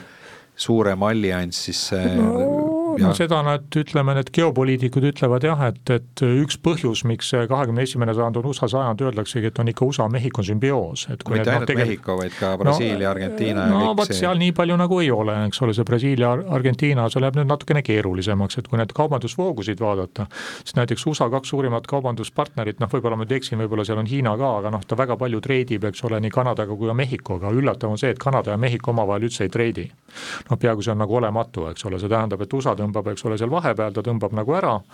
et noh, kui väide on see, et meil on suur globaliseerumine, noh siis kui sa vaatad tegelikult neid kaubavoogusid, siis on ikkagi meil kolm suurt plokki, on Põhja-Ameerika, siis on Aasia, ütleme, et Aasia investorid ka, kui ütleme, ja noh, kolmas on nagu Euroopa. Ja noh, nende plokkide vahel tre-, kaubeldakse tunduvalt vähem kui nende plokkide sees et noh, see suur globaalne, eks ole, meil ka esitletakse seda, et väga suur globaalne ja muudkui noh, laevad sõidavad, sõidavad, sõidavad, siis sõidavad küll, jah. see on õige, et seda kaubandust on, aga nende plokkide sees on seda kaubandust tunduvalt rohkem kui plokkide vahel no mida ja noh, siis sealt edasi tuleb veel see autarkia noh, nagu teooria, kus öeldakse, et noh, mis on need riigid, kui noh, Venemaa võtta, mis ära unustatakse, et noh, et mida öeldakse, et kes autarkiaga hakkama saavad, on tegelikult Venemaa, Argentiina, Brasiilia, USA, Prantsusmaa, noh, eks ole, et kui öelda ka, et me Venemaale sanktsioonid tegeme, noh siis isegi Hiina ei saa näiteks hakkama, kuna neil on põllumajandusmaad ja neil on osaseid sisendeid väga palju nagu puudu. Nad ei toida ennast ära. vot, sanktsioonid on mingis mõttes nagu väga, väga hea näide sellest, et sa võid ju sanktsioonid panna, ega kaup liikumata ei jää. ta lihtsalt liigub sedasi, et, et treiderid teenivad viis korda kõrgemat marginaali, aga kaup liigub kohale. sul on majanduses lihtsustatult kolm suurt nagu sisendit et selles mõttes sul on õigus, et USA on nagu tegelikult täiesti self-sufficient nagu, et sul on kapital, sul on äh, materjalid, ehk siis toormed ja tööjõud. Ehk nagu tegelikult on see, et, et äh, USA on hästi unikaalses positsioonis, et ma ei tea ühtegi teist nagu piirkonda, kus oleks nagu institutsioonid ja ressursid ja kapital kõik nagu olemas. ja lisaks nagu piiri taga koputav tööjõud, kes tahaks nagu tasuta sulle enam-vähem tööle tulla, et, et et see on tegelikult nagu minu meelest ikkagi pikas plaanis üks hästi tugev vedur USA jaoks, sest mitte kuskil mujal ma seda ei näe no ühesõnaga, me oleme tund aega rääkinud ja me põhimõtteliselt jõuame iga vestluse lõpuks sinna välja, et, et USA on unikaalne ja need edutegurid, mis USA majanduse on sinna viinud, kus ta täna on, jätkuvad, geograafiline asukoht ja, ja kõik juriidiline pool ja, ja, ja töökultuur ja kõik nii edasi et mis need ohud on, et äh, mis võiks olla need tegurid, mis äh, ohustavad USA majanduse jätkuvat õitsengut? ma arvan, et siin äh, sama, mis Andres välja tõi, tõi, on, on see stabiilsus, et täna ikkagi turud panustavad stabiilsuse peale, aga ma seda stabiilsust ettevaatavalt väga kuskilt ei näe. No aga midagi see... muud pole ka ju stabiilne, et ongi, see on see, et aga lihtsalt on see, et, et mida stabiilsus tähendab finantsturgude mõistes, on see, et, et ta toob sulle hinnakordajad alla nojah, et kui sa suuri teooriaid vaadata, et noh, Peter Turchin on sellest kirjutanud, noh see Turchini viimane raamat valiti ka Timesis noh, aasta nagu mõtteraamatuks, see Thought Book of the Year. ja noh, tema väidab, et ta juba ütles, et aastal kaks tuhat üksteist ennustas ette, et kahekümnendad on USA jaoks selline noh, turbulentne kümnend et noh, seal on erinevaid põhjuseid, eks ole, needsamad majanduslikud argumendid, natuke lõhede suurenemine, noh tema peamine argument on see, et noh, ülikoolid toodavad liialt palju noh, kõrgharidusega inimesi, eks ole, see on see aasta tuhat kaheksasada nelikümmend kaheksa või Hiina probleem. et noh, oleme tekitanud sellise kõrgharidusliku kompleksi ja noh, see tekitab väga palju inimesi, kellel noh, puudub selline adekvaatne nagu väljend, aga noh, fakt on see, et kahekümnendad on turbulentsed ja noh, tema nagu väide on see, et reform or face revolution või siis noh, reformi või siis sa oled revolutsiooniga silmitsi, noh ma nagu seda revolutsiooni revolutsiooni väga ei tahaks uskuda, noh ilmselt Andreas on parem inimene seda nagu kirjeldamaks, aga noh, ilmselt nad ennast reformima peavad, eks ole, noh ja loodetavasti see ei ole nagu selline vägivaldne reform, et muutus on nagu selles mõttes nagu loomulik protsess, et mina, ma ei vaata kuidagi, et nagu muutus ongi ühiskonna loomulik nagu osa, et, et kogu aeg toimub muutus, sa lihtsalt pead vaatama, et, et sa sinna nagu vahele kinni ei jää, aga noh, muutus on loomulik protsess. seetõttu ma kunagi nagu ei näe neid revolutsioone ka kuidagi nagu, see on niisugune võib-olla ülevõimendamine nagu nimede ja võib-olla niisugune tahad nagu rohkem pealkirju saada, aga noh, päriselt on see, et, et igale asjale on vastureaktsioon ja see käib edasi-tagasi pendel, et, et meil tööl Heida Vitsuril on hästi hea niisugune ütlus, et et et tegelikult üldiselt kõik asjad käivad nagu pendel edasi-tagasi, et see kunagi ei ole mõtet nagu ühtegi trendi nagu liialt pikalt ette nagu ekstrapoleerida no,. Reversion to the mean, eks ja. ole, noh lõpptulemusena, eks ole, väga hea tootlus, eks ole, see kukub ikka sulle alla, eks ole. kuskilt tuleb see valupunkt, kus vank, vanker sõidab kraavi, kraavi ja tehakse see muutus ära, et nagu teine suund sisse panna või aga ma saan aru, et ikkagi USA majandusele, kui me, kui siin investeerimisideede horisont on saate nimi, et kui me nagu pikas perspektiivis mõtleme selle peale, et siis ikkagi USA tundub päris kindel koht olevat praeguses ebakindlas maailmas või, või ikkagi ma üritan välja kiskuda seda suurimat riski või, või negatiivset, et mis see võiks olla? no kindlust on kindlus on ainult suhteline, eks ole, see on võrreldes äh, ülejäänud maailmaga, et äh, Ameerika poliitika on maailmapoliitika avangard ja eriti Euroopa poliitika avangard või teisisõnu, nagu Tocqueville, kui tuntud prantsuse aadel üheksateistkümnendal sajandil mööda Ameerikat ringi kondas ja kirjutas sellest raamatu Democracy in America, siis siis tema just põhiline mõte pärast seda pooleteistaastast reisi oligi see, et, et vaadates Ameerikasse, näeme Euroopa tulevikku et, et need muutused, ühiskondlikud, sotsiaalsed, poliitfilosoofilised muutused käsitlustes, kuidas riik peaks toimima, mis on meie ajastu suurimad probleemid, need on alati Ameerikas esimesena välja löönud ja hiljem jõudnud selliste vibratsioonidena ka meile, mida me näeme oma poliitikaelus, et ja mitte ainult Eestis, vaid Eesti ei ole väga suur erinevus, noh vaadata seda noh, nagu polariseerumist. see on kogu, kogu Euroopas niimoodi, et seni on alati see poliitiline muutus ikkagi lõppenud mingisuguse uue impulsiga, uue, uue kasvuspurdiga ja see Ameerika ühiskondlik kokkulepe ei ole nende pingete kiuste koost kärisenud, eks ja osalt aitabki just suuresti see Ameerika riigi institutsionaalne põhiseaduslik ülesehitus, et ta on siiski vabatahtlik kokkulepe osariikide vahel, see on viiskümmend osariiki, selleks, et põhimõtteliselt seda süsteemi kuidagi muuta, see on, vajab kahe kolmandiku osariikide referendumite nagu läbiminekut nendes põhiküsimustes, sealhulgas seesama solidaarne tervishoid ja, ja, ja nii edasi, et, et et on raske, on raske, raske näha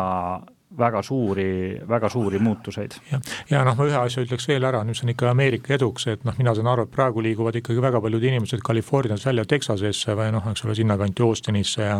no just maksusüsteemi ja nende ja, ja noh, eks ole, liikumine, et sul on ka sisemiselt võimalus, et noh, et kui sul tegelikult üks osariik ei meeldi või noh, okei okay,, üks asi on president, aga noh, et ütleme, et Eestis sul ei ole võimalik Suures... minna Tallinnast Võrusse, et Võru ei paku oluliselt paremaid tingimusi, eks. hästi suured liikumised on just tegelikult ikkagi nagu poliitiliselt, et kui sa vaatad äh, äh, hästi, kui sa vaatad nagu mis äh,, mis poliitilise toetusega inimesed kolivad nagu mingitest era-, mingitest piirkondadest ära, siis tegelikult ongi, et see on niisugune nagu ma ei tea, poliitiliselt võib-olla nagu veelgi suurem kihistumine toimumas, et, et et nagu sisuliselt vabariiklased on kolimas sinna alla ja noh, mis on tegelikult mingis mõttes nagu ülemist valija perspektiivis ka muutnud päris palju räägime saate viimases osas konkreetsemalt investeerimisest ka, et, et meil on hea võimalus küsida Kaius Kiiramehe käest äh, nõu. et kui sina praegu USA majandust vaatad, äh, siis mis on kõige sellised palju lubavamad äh, sektorid, ettevõtted, kuhu võiks investor vaadata? ma arvan, et investor võiks vaadata, investoril on täna väga head valikud USA-s sellepärast et äh, sisuliselt on investeerimispilt äh, nii kreenis, kui ta üldse olla saab. see tegelikult loob nagu vältimise mõttes hästi lühikese nimekirja, et kuidas siis raha kaotada.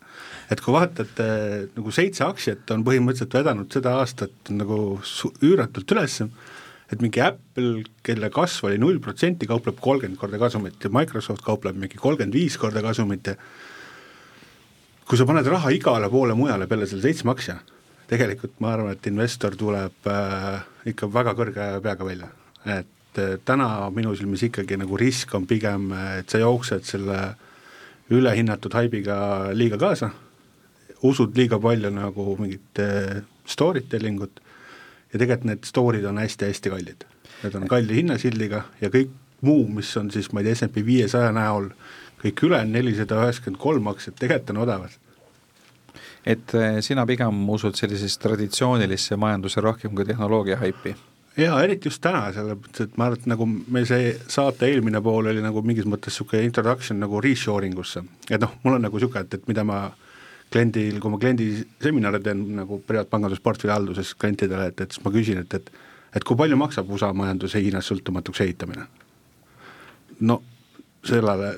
sa ei julge kõige nagu ulmelisemat hinnalipingut ka külge panna, on ju, aga see on see tegelikult, mis täna toimub. see tähendab seda, et, et sul reshoring või noh, ütleme siis nagu viisakas väljend on deriskimine et see tähendab seda, et tegelikult USA majandus on nagu täiesti two-speed economy. jah, sul tundub, et, et võib-olla see majanduskasv ei ole kõige nagu nagu vilga, vil, nagu vilkam, aga tegelikult nagu mingisugused osad majandusest kasvavad kui pärmi peal täna. et, et kui sa vaatad nagu, kuidas pannakse uusi tehaseid püsti, noh, see on ikka täna nagu see majanduskasv nendes segmentides on tegelikult täna ikka väga kiire ja noh, tegelikult, kui sa avad investorina ennast põhimõtteliselt nendesse kohtadesse, kus päriselt nagu see raha läheb, siis ma arvan, et sa teenid sealt väga head tootlust ja noh, kui vaadata veel nagu erinevalt äh, nagu, ma vaatan kõiki asju läbi nõudluse pakkumine, et ma, ma olen niisugune niisugune parasjagu, kes otsib niisugust defitsiitkaupa alati turu pealt kokku, et, et mul hästi meeldivad need oksjonid, kus ma nagu ainus ostja ja teised nagu, mul on sada müüjat, et on ideaalne koht, kuhu, kuhu ennast nagu püsti panna, et miks mulle need chapter eleven'id ka meeldivad, kus ettevõtted pankrotist tulevad, et et otsida neid kohti, kus nagu nõudluspakkumine lihtsalt nagu töötab sinu kasuks ja teeb töö sinu eest ära. jah, et siin on jah, mitu narratiivi, et ühtepidi tõesti öeldakse, et see small ja mid cap, eks ole, võiks olla noh, nagu atraktiivsem ja ja mingid traditsioonilised sektorid, et tehnoloogiasektor on noh, nagu ülehinnatud, noh siis jällegi öeldakse, et okei okay,, eks ole, tehnoloogiasektor on uue põlvkonna noh, nagu kuld. et öeldakse, et Bitcoin on tegelikult noh, et noorem põlvkond ei taha enam kulda nagu osta, eks ole, noh see on nagu vanainimeste värk, eks ole, et ostavad kulda, et noh, nemad panevad mingisse tehnoloogiasse. võtsin huvi pärast välja ka eelmise aasta näiteks RT, mida nüüd tehnoloogiasektori ettevõtted teevad ja see on ikka väga vapustav, et Amazon seitsekümmend kolm miljonit äh, teadus-arendustegevuse eelarve, Alphabeti nelikümmend miljardit, jah, vabandust, miljardit ma tahtsin öelda, sorry, eks ole, et kolmkümmend viis miljardit, Apple kakskümmend kaheksa, aga noh, veel more impressive on see, et noh, Amazonist neliteist protsenti käibest, Alphabeti neliteist protsenti käibest, Metal lausa kolmkümmend protsenti käibest pannakse teadus-arendustegevusse, noh ilmselt nad ka investeerivad nagu üle, Huawei paneb kakskümmend viis, kakskümmend kaheksa, Intel noh, Roche kakskümmend kaks, et noh, need on sellised sellised asjad, et äh, need on siis noh, laias laastus Amazon paneb kaks korda Eesti riigi, riigi skp, eks ole, noh meil on vist nelikümmend, eks ole. protsendina tuludes, siis Nokia paneb kõige rohkem. Nokias data ei ole, Nokial on kaheksateist. ei, protsendina tuludesse? Äh, ei ole kaheksateist protsenti tuludesse, mul on Nokia data ka olemas, Nokia paneb viis miljardit, eks ole, kaheksateist protsenti tuludest, nii et eks ole, Nokia data mul ka olemas, aga ta on jah, suhteliselt palju, et noh, Metast jääb maha, Huawei'st jääb maha, Intelist jääb maha, eks ole, aga noh, Nokia paneb suhteliselt palju, jah. ja kindlasti USA majandus ei ole nagu kaks tuhat kakskümmend neli ka nagu riskivaba, et, et äh, juba täna on näha ka ikkagi kõrgema intressikeskkonna tõttu on tekkinud probleeme nagu mitmetes valdkondades, esiteks äh, kogu ärikinnisvara vabiseb äh, vabiseb äh, väga kõvasti juba. Märs vabises ära juba, et no., et, kui ma just eelmine nädal vaatasin ühte suurimat äh, Manhattani landlord'i Essel Greeni, nendel on nagu nii prime varad, kui üldse nagu leida saad aga täiesti söge võlakoormus, aga nagu tegelikult ka ma nagu superoperaator, nagu väga nagu street smart operaatorid, ostnud äh, rumalatelt heade diilidega kapitalistruktuuris nagu alati, et vaatad, mingid hullud hiinlased tulevad turule, ostavad mingi maja idiootse hinnaga ära, siis sina lähed sinna mingisuguse mesaniin kapitalikihiga sisse, siis tead, et hiinlased default ivad ja sa saad selle raha nagu, saad selle vara nagu peaaegu pool tasuta endale, ülismardilt nagu diilinud aga ka, et noh, odava rahaga lihtsalt lasid ennast ära tinistada, lihtsalt võlga ongi nagu selgelt liiga palju. noh nagu, lihtsalt jah, et häda on nagu selles, et ega sul USA-l ei ole ka noh, alternatiivi, et siin mingi visual capitalist ja noh, need teevad päris häid selliseid liikuvaid noh, nagu tabeleid ja USA on kakskümmend protsenti maailma majandusest, aga üle viiekümne protsendi vist turukapitalisatsioonist, eks ole, vist oli viiskümmend kolm või viiskümmend kaks, ma ei mäleta mis see täpselt ja oli, aga laias laastus pool ja no see on see küsimus, et noh, kuhu sa üldse saad investeerida, eks ole. siin no,, et... siin tegelikult Andruse juurde, jutu juurde tagasi tulles ärikinnisvara poolelt, et tegelikult me näeme sama, sama trendi tegelikult Skandinaavias, et kõik räägivad, Skandinaavias on nagu majanduses väga hapud ajad, on ju, tegelikult kui sa vaatad seda, et, et ega Skandinaavia kinnisvara tegelikult nagu oluliselt kukkunud ei ole, mis on juhtunud see, et bilansid on lihtsalt nagu tükkideks lennanud. et need, kellel bilansid olid äärmiselt nagu, nagu pingule venitatud ja raha hind tõusis, nad lendasid ikka tükkideks ja nagu ma ei tea, Eestis ka, võta siit Baltic Horizon on täpselt sama näide tegelikult, lihtsalt nagu odava laenuga lihtsalt nagu amokki jooksnud, varad on niisugused keskpärased ja, ja kehvemad, tootlused madalad ja lihtsalt noh, su laenuvõimekus, laenu teenindamise võimekus lihtsalt ongi väga halb. Ja lihtsalt nagu siis toimubki niisugune kapitalism, et, et toim-, tulevad lõpuks uued omanikud sisse ja võtavad asja üle, et, et see ongi see kapitalismi nagu üks võlu nagu, mis USA-s kiiresti toimib aga ongi see, et lihtsalt selle küsimus, mida me ka siin eelmine aasta juba nägime esimeste pankade puhul, on see, et, et kelle võlad ja kelle laenud need on, et, et ja mis, äh, mis see tähendab nende, nende laenajate jaoks, et kelle kapital on ära põlenud ja kui, ja, ja mis see lõppmõju tegelikult on krediiditurule. tegelikult siit on hästi, hästi pull niisugune äh, järellainetus toimus sellele, selle Silicon Valley Bankile ja, ja selle sellele, selle kriisile, mis meil eelmise aasta või noh, selle aasta märtsis vist oli, on ju et tegelikult, kui sa vaatad, kuidas siis on toimunud laenukasv, kõik eeldasid seda, et, et siis need väiksed pangad justkui jooksevad nagu deposiitidest tühjaks ja noh, kui mm -hmm. deposiit lähevad, läheb laenukasv järgi nagu minema, tegelikult on risti vastupidi toimunud. et äh, sisuliselt suured pangad on nagu laenukasvul nagu seisma jäänud ja just need väiksed pangad on see, mis tegelikult on vedanud seda seda majanduskasvu ja majandusaktiivsust, tegelikult ongi täpselt see, et, et kõik need tehased, noh, tulevad nagu maakohtadesse lihtsustatult ja tegelikult ongi see, et, et see majandusbuum käib maakohtades. ta käibki nendes nagu väikestes kohtades ja kus annavad laenu kogukonna pangad ja noh, see ongi niisugune, et, et kogukondade tasemel väiksemad kohad buumivad. Ja tegelikult see vana, vana see linnade nagu piirkond, see tegelikult nagu põleb täna, et see one percent põleb ja tegelikult see nagu üheksakümmend üheksa prossa tegelikult tema buumib temal on palgakasv, temal on kõik, tal on nagu kõik asjad nagu tema kasuks täna. ja, ja, ja, ja, ja finantsinvestor on nagu kaks aastat külgepidi liikunud siin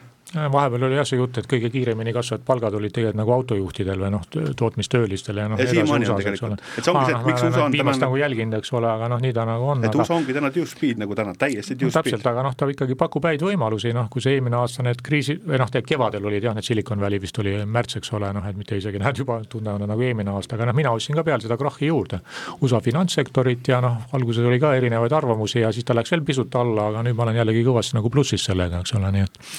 noh, tegelikult see saab küll, eks ole, kuna ta nii kiiresti reageerib, eriti see, kui ta alla tuleb, et noh, ta pakub ikkagi väga häid võimalusi kusagil mujal Euroopas või kus sa saad noh, nii likviidset, noh, nii likviidseid varasid. täna, mis mulle nagu tundub, et vaata see narratiiv ongi see, et, et me kogu see selle aasta tõus on olnud lihtsalt justkui nagu, et, et kui sa ei ole omanud neid seitset aktsiat, siis tegelikult nagu SMP kõik ülejäänud aktsiad on tegelikult nagu enam-vähem nulltootlusega olnud, lihtsustatult. ja kui sa vaatad nagu täna, siis nagu investorid on niisugused pelglikud, raha hind on tõusnud, kõik ootavad mingit majandussurutist, on ju aga kui sa vaatad ettevaatavad indikaatorid, siis tegelikult ettevaatavad indikaatorid näitavad seda, et tegelikult siis kasumid lähevad kasvule. aga tegelikult inimesed on, no investorid on lihas mälu pealt ostnud eelmiseid võitjaid ja nagu turvasadamaid justkui, et, et kuhu ennast turvaliselt peitu panna. aga kui nüüd nagu tegelikult need vanad trendid, mitte vanad trendid, vaid et see majandusaktiivsus ikkagi nagu pigem natuke kiireneb siit edasi, ettevõtete kasumid hakkavad kasvama, tähendab seda, et, et just nendel tsüklilisematel ettevõtetel tegelikult läheb nagu, hakkab väga palju paremini minema jah, jah, üldiselt kui sa oled peidus nagu mingites kallistes tehnoloogia nimedes, mis tihti näitavad sul ka nagu väikest no. kasvu, osad näitavad väga head kasvu, aga sul on nagu see teine pool nagu kogu sellest indeksist on, on hästi odav ja tegelikult näitab ka nagu head kasumi kasvu, siis ma ei näe põhjust, miks sa peaksid omama seitset aktsiat, et pigem lihtsalt maksi-, nagu diversifitseeri maksimaalselt ja oma kõike muud no see on noh, huvitav argument jah, et mina ise olen ka noh, ikkagi sellist kontraari on natukene nagu usku, et noh, et kui see turg läheb ühes suunas, siis Tengen oli ka, NBF-il on siis selle Norra, Norra nüüd ütleme, et maailma suurima võib-olla investeerimisfondi juht, esines seal NBF-is ja noh, tema ütles ka, et kõige suuremad tootlused on ikka nendes kohtades, kus on non-konsensus. et kui sul on konsensus, eks ole, noh siis seal üldjuhul, eks ole, sul on väiksemad noh, teenimisvõimalused, noh suuremad teenimisvõimalused on need, kus seda konsensust ei ole, aga noh, seda on raske teha, eks ole. no me noh, teame ka, mis võimalused seal veel on suuremad et on ka kaotamisvõimalused, et see ongi see tasakaalu koht, et selles mõttes Kivramees selgelt on meil siin value investor praegu,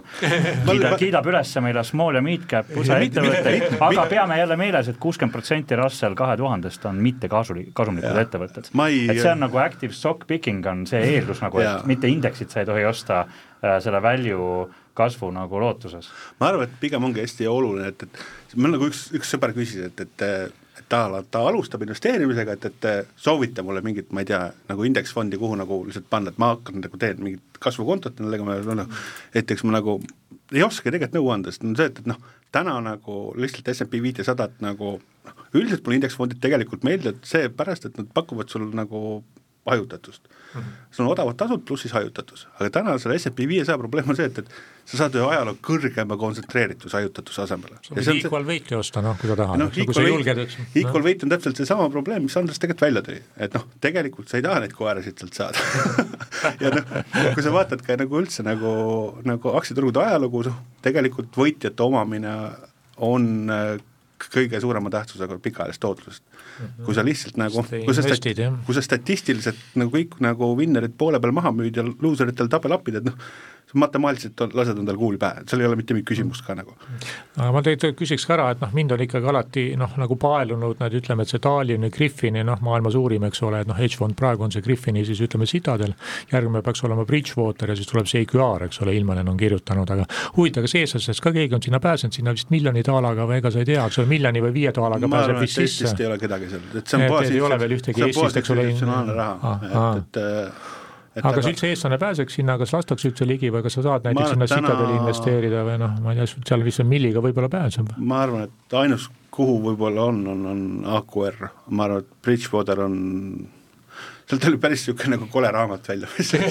hippies nagu, et, et Ray Daliast nagu see lihtsalt nagu mingi hull psühhopaat enam-vähem kes see või, Griffith või? ei, Ray Dalio, et kuidas ta mingi korralik, et kuidas okay. ta mingi kontoris nagu mingit aa jaa, see ja hiljuti jah, sellest on päris palju kirjutatud. keegi uriinist mööda ja siis tegi mingi karistuskomando ukse kõrvale, kes vaatab, et hakkab registreerima, kes WC-s Radical Candor oli see nimi, et see juhtus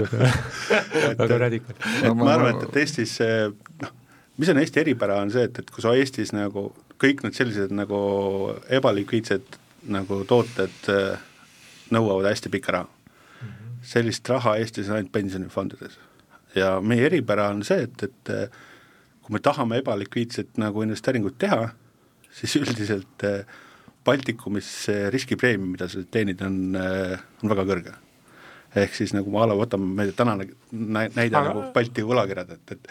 et eh, Euroopas samasugused võlakirjad kauplevad kuue protsendi tulususega, mis Eestis müüakse kümnega.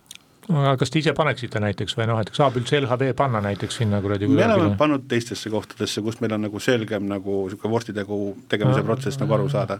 et, et me nagu nendest suurtest varade kogujatest üldiselt oleme ringiga käinud, et noh, varade kogumise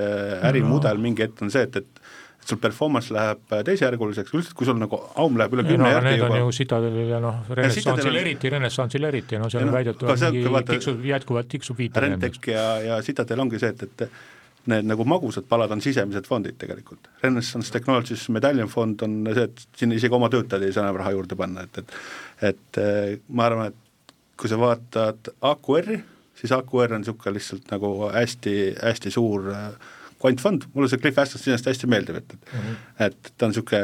nagu hästi lühikese süütenööriga niisugune bullshit detektor nagu turul et on, tegelikult on ta nagu Twitteris aktiivne ka? väga aktiivne ta on umbes veel sama, sama lühikese süütenööriga kui, kui Taleb enam-vähem aga, aga ta on nagu niisugune tore, et ta nagu oskab, oskab erinevalt Talebist, ta oskab ise endale nalja ka teha, et, et mm -hmm. see on väga, väga tore, aga noh, kui sa vaatad nagu ma arvan, et Bridgewater ei, ei ole kellegi jaoks täna huvitav pigem ei no nad tulevad alla ka minu arusaamine. ja noh, see on see, et kui su, kui su varad lähevad ikkagi juba üle kümne jardi, siis pigem äh, su ärimudel ei ole enam tootlus, vaid see on varade kogumise pealt nagu kasumit teenida.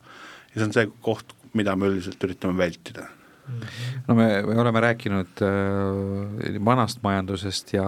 ja tehnoloogiast äh,, korraks äh, põllumajandus, toidu tootmine äh,, et see tundub ka nagu päris selline John Deere tuli alla, oi, ära räägi ühest küljest tundub praegu nagu depressiooni kohe tead, viid vanainimesi nagu, nagu nõudluse vähenemist on raske ette näha siin, eks ole, et et, et, et, et kui see on nagu nii-öelda kõige vanem majandus ehk põllumajandus, et see on jah, üks on veel vanem, on ju aga,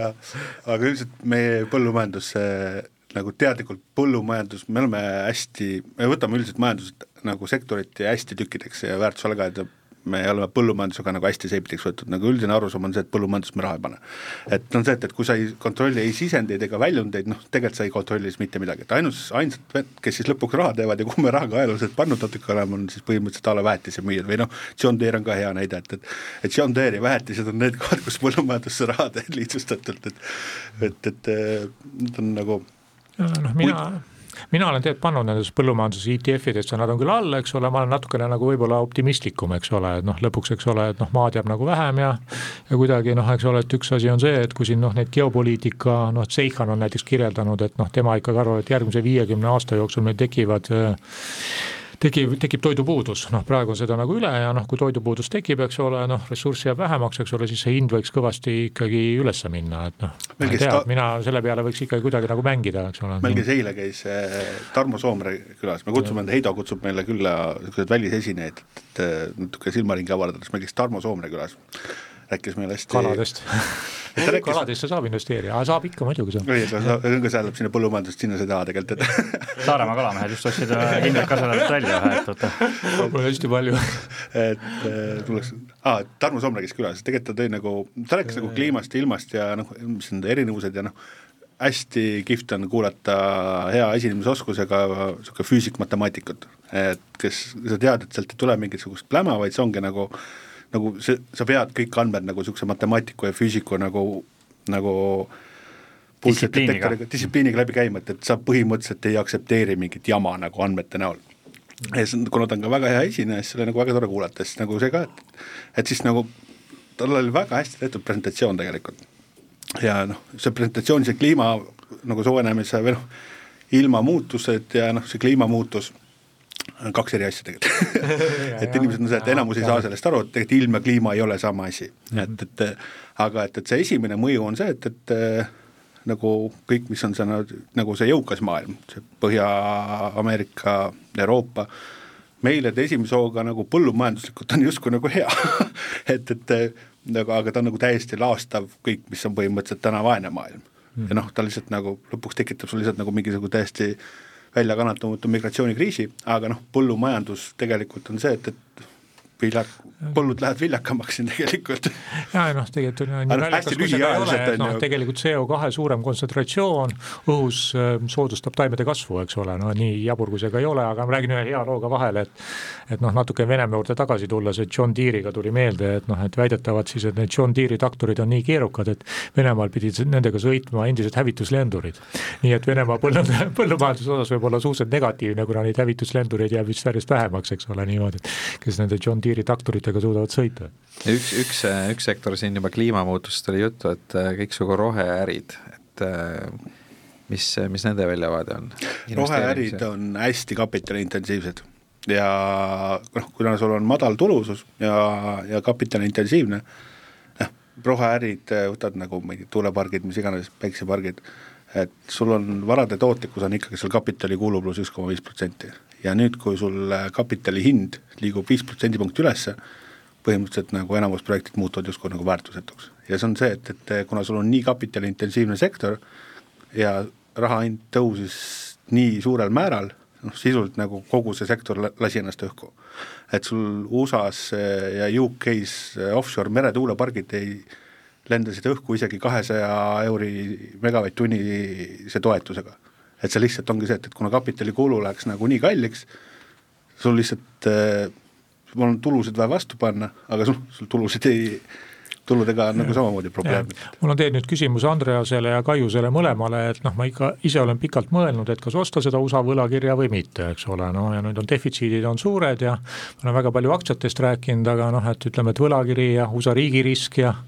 et kui me selle USA juurde nagu tagasi tuleb, eks ole, et on mingid, mis need kaalutlused on, noh no,, ma eeldan, et te nagu soovitust annate, aga kuhu noh. kuhu siis veel, ütleme, et kui sa räägid? nagu, investeerimis, investeerimisjärgu reitinguga võlakirju nagu kõrge investeerimisreitinguga võlakirju ostetakse ainult likviidsuse juhtimise eesmärgil, mitte investeerimiseks. ehk siis äh, investor, kes otsib tootlust, natukene peaks nagu vaeva nägema, otsima ise natuke kivisid ümber keerama, see nagu riskivaba tulusus riigi võlakirjast on sinu worst case.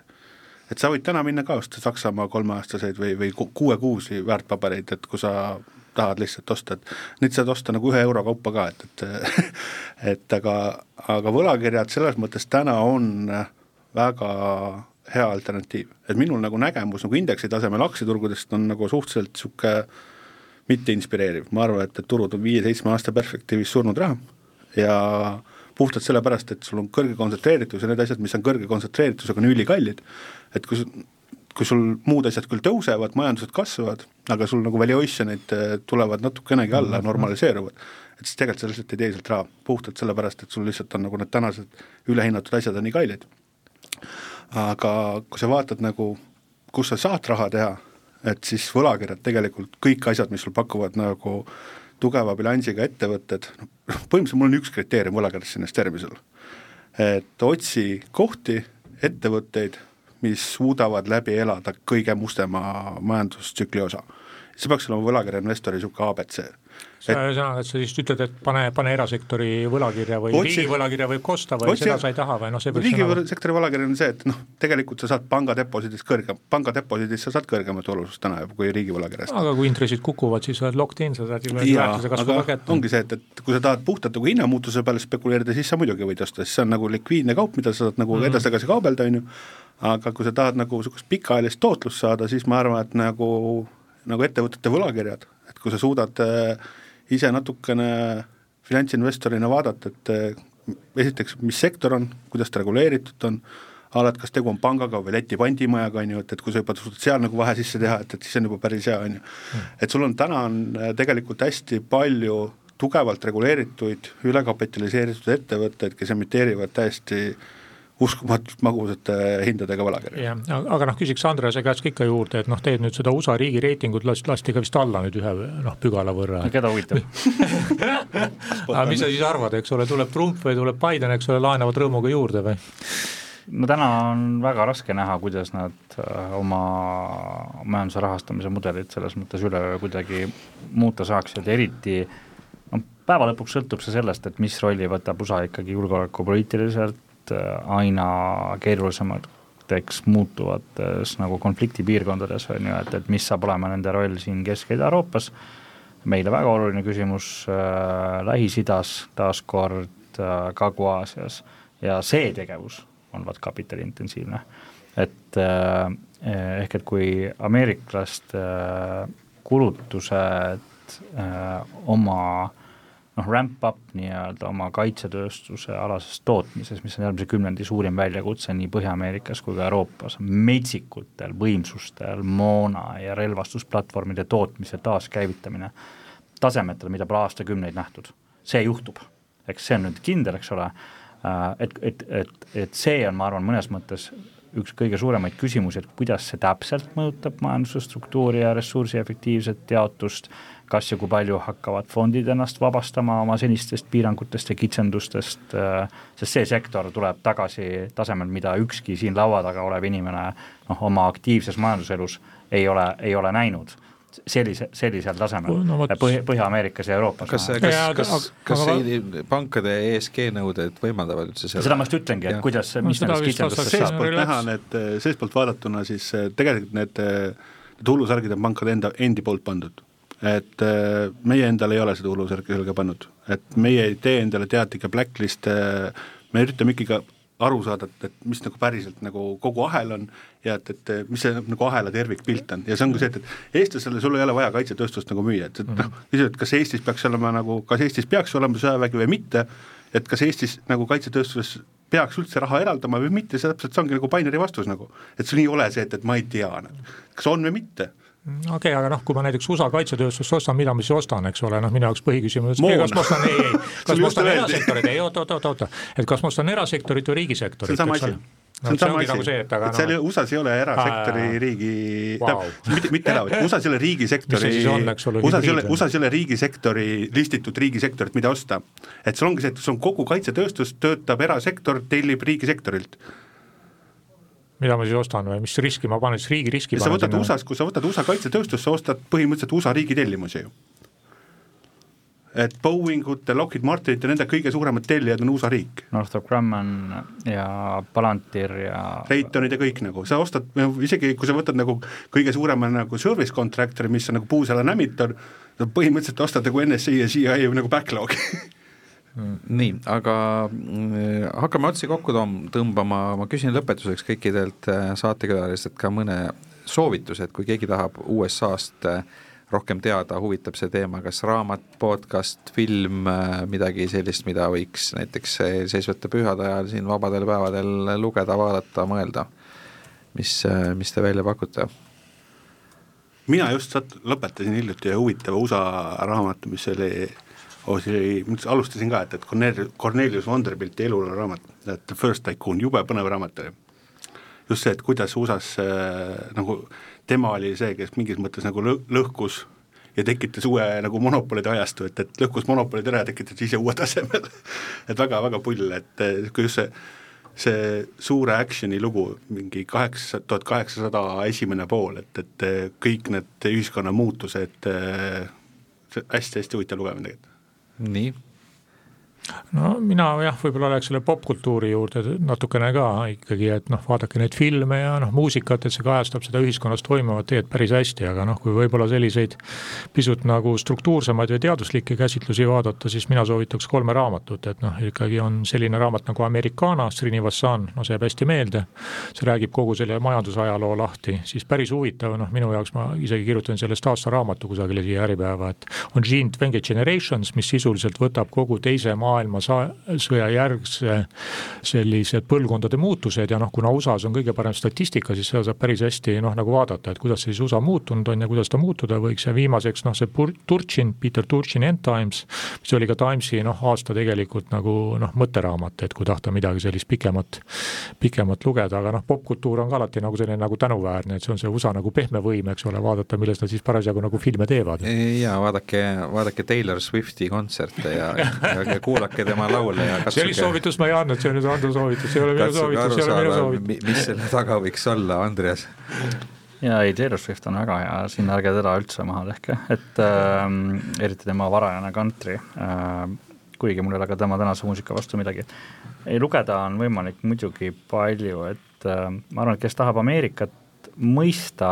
kõigepealt selle minevikus, noh siis ma soovitaksin äh, sedasama Alexis Tocqueville'i, kes Prantsuse aadel, kes Ameerikas ringi kondas, tal oli mandaat Prantsuse valitsuselt käia uurida Ameerika vanglasüsteemi osariikides,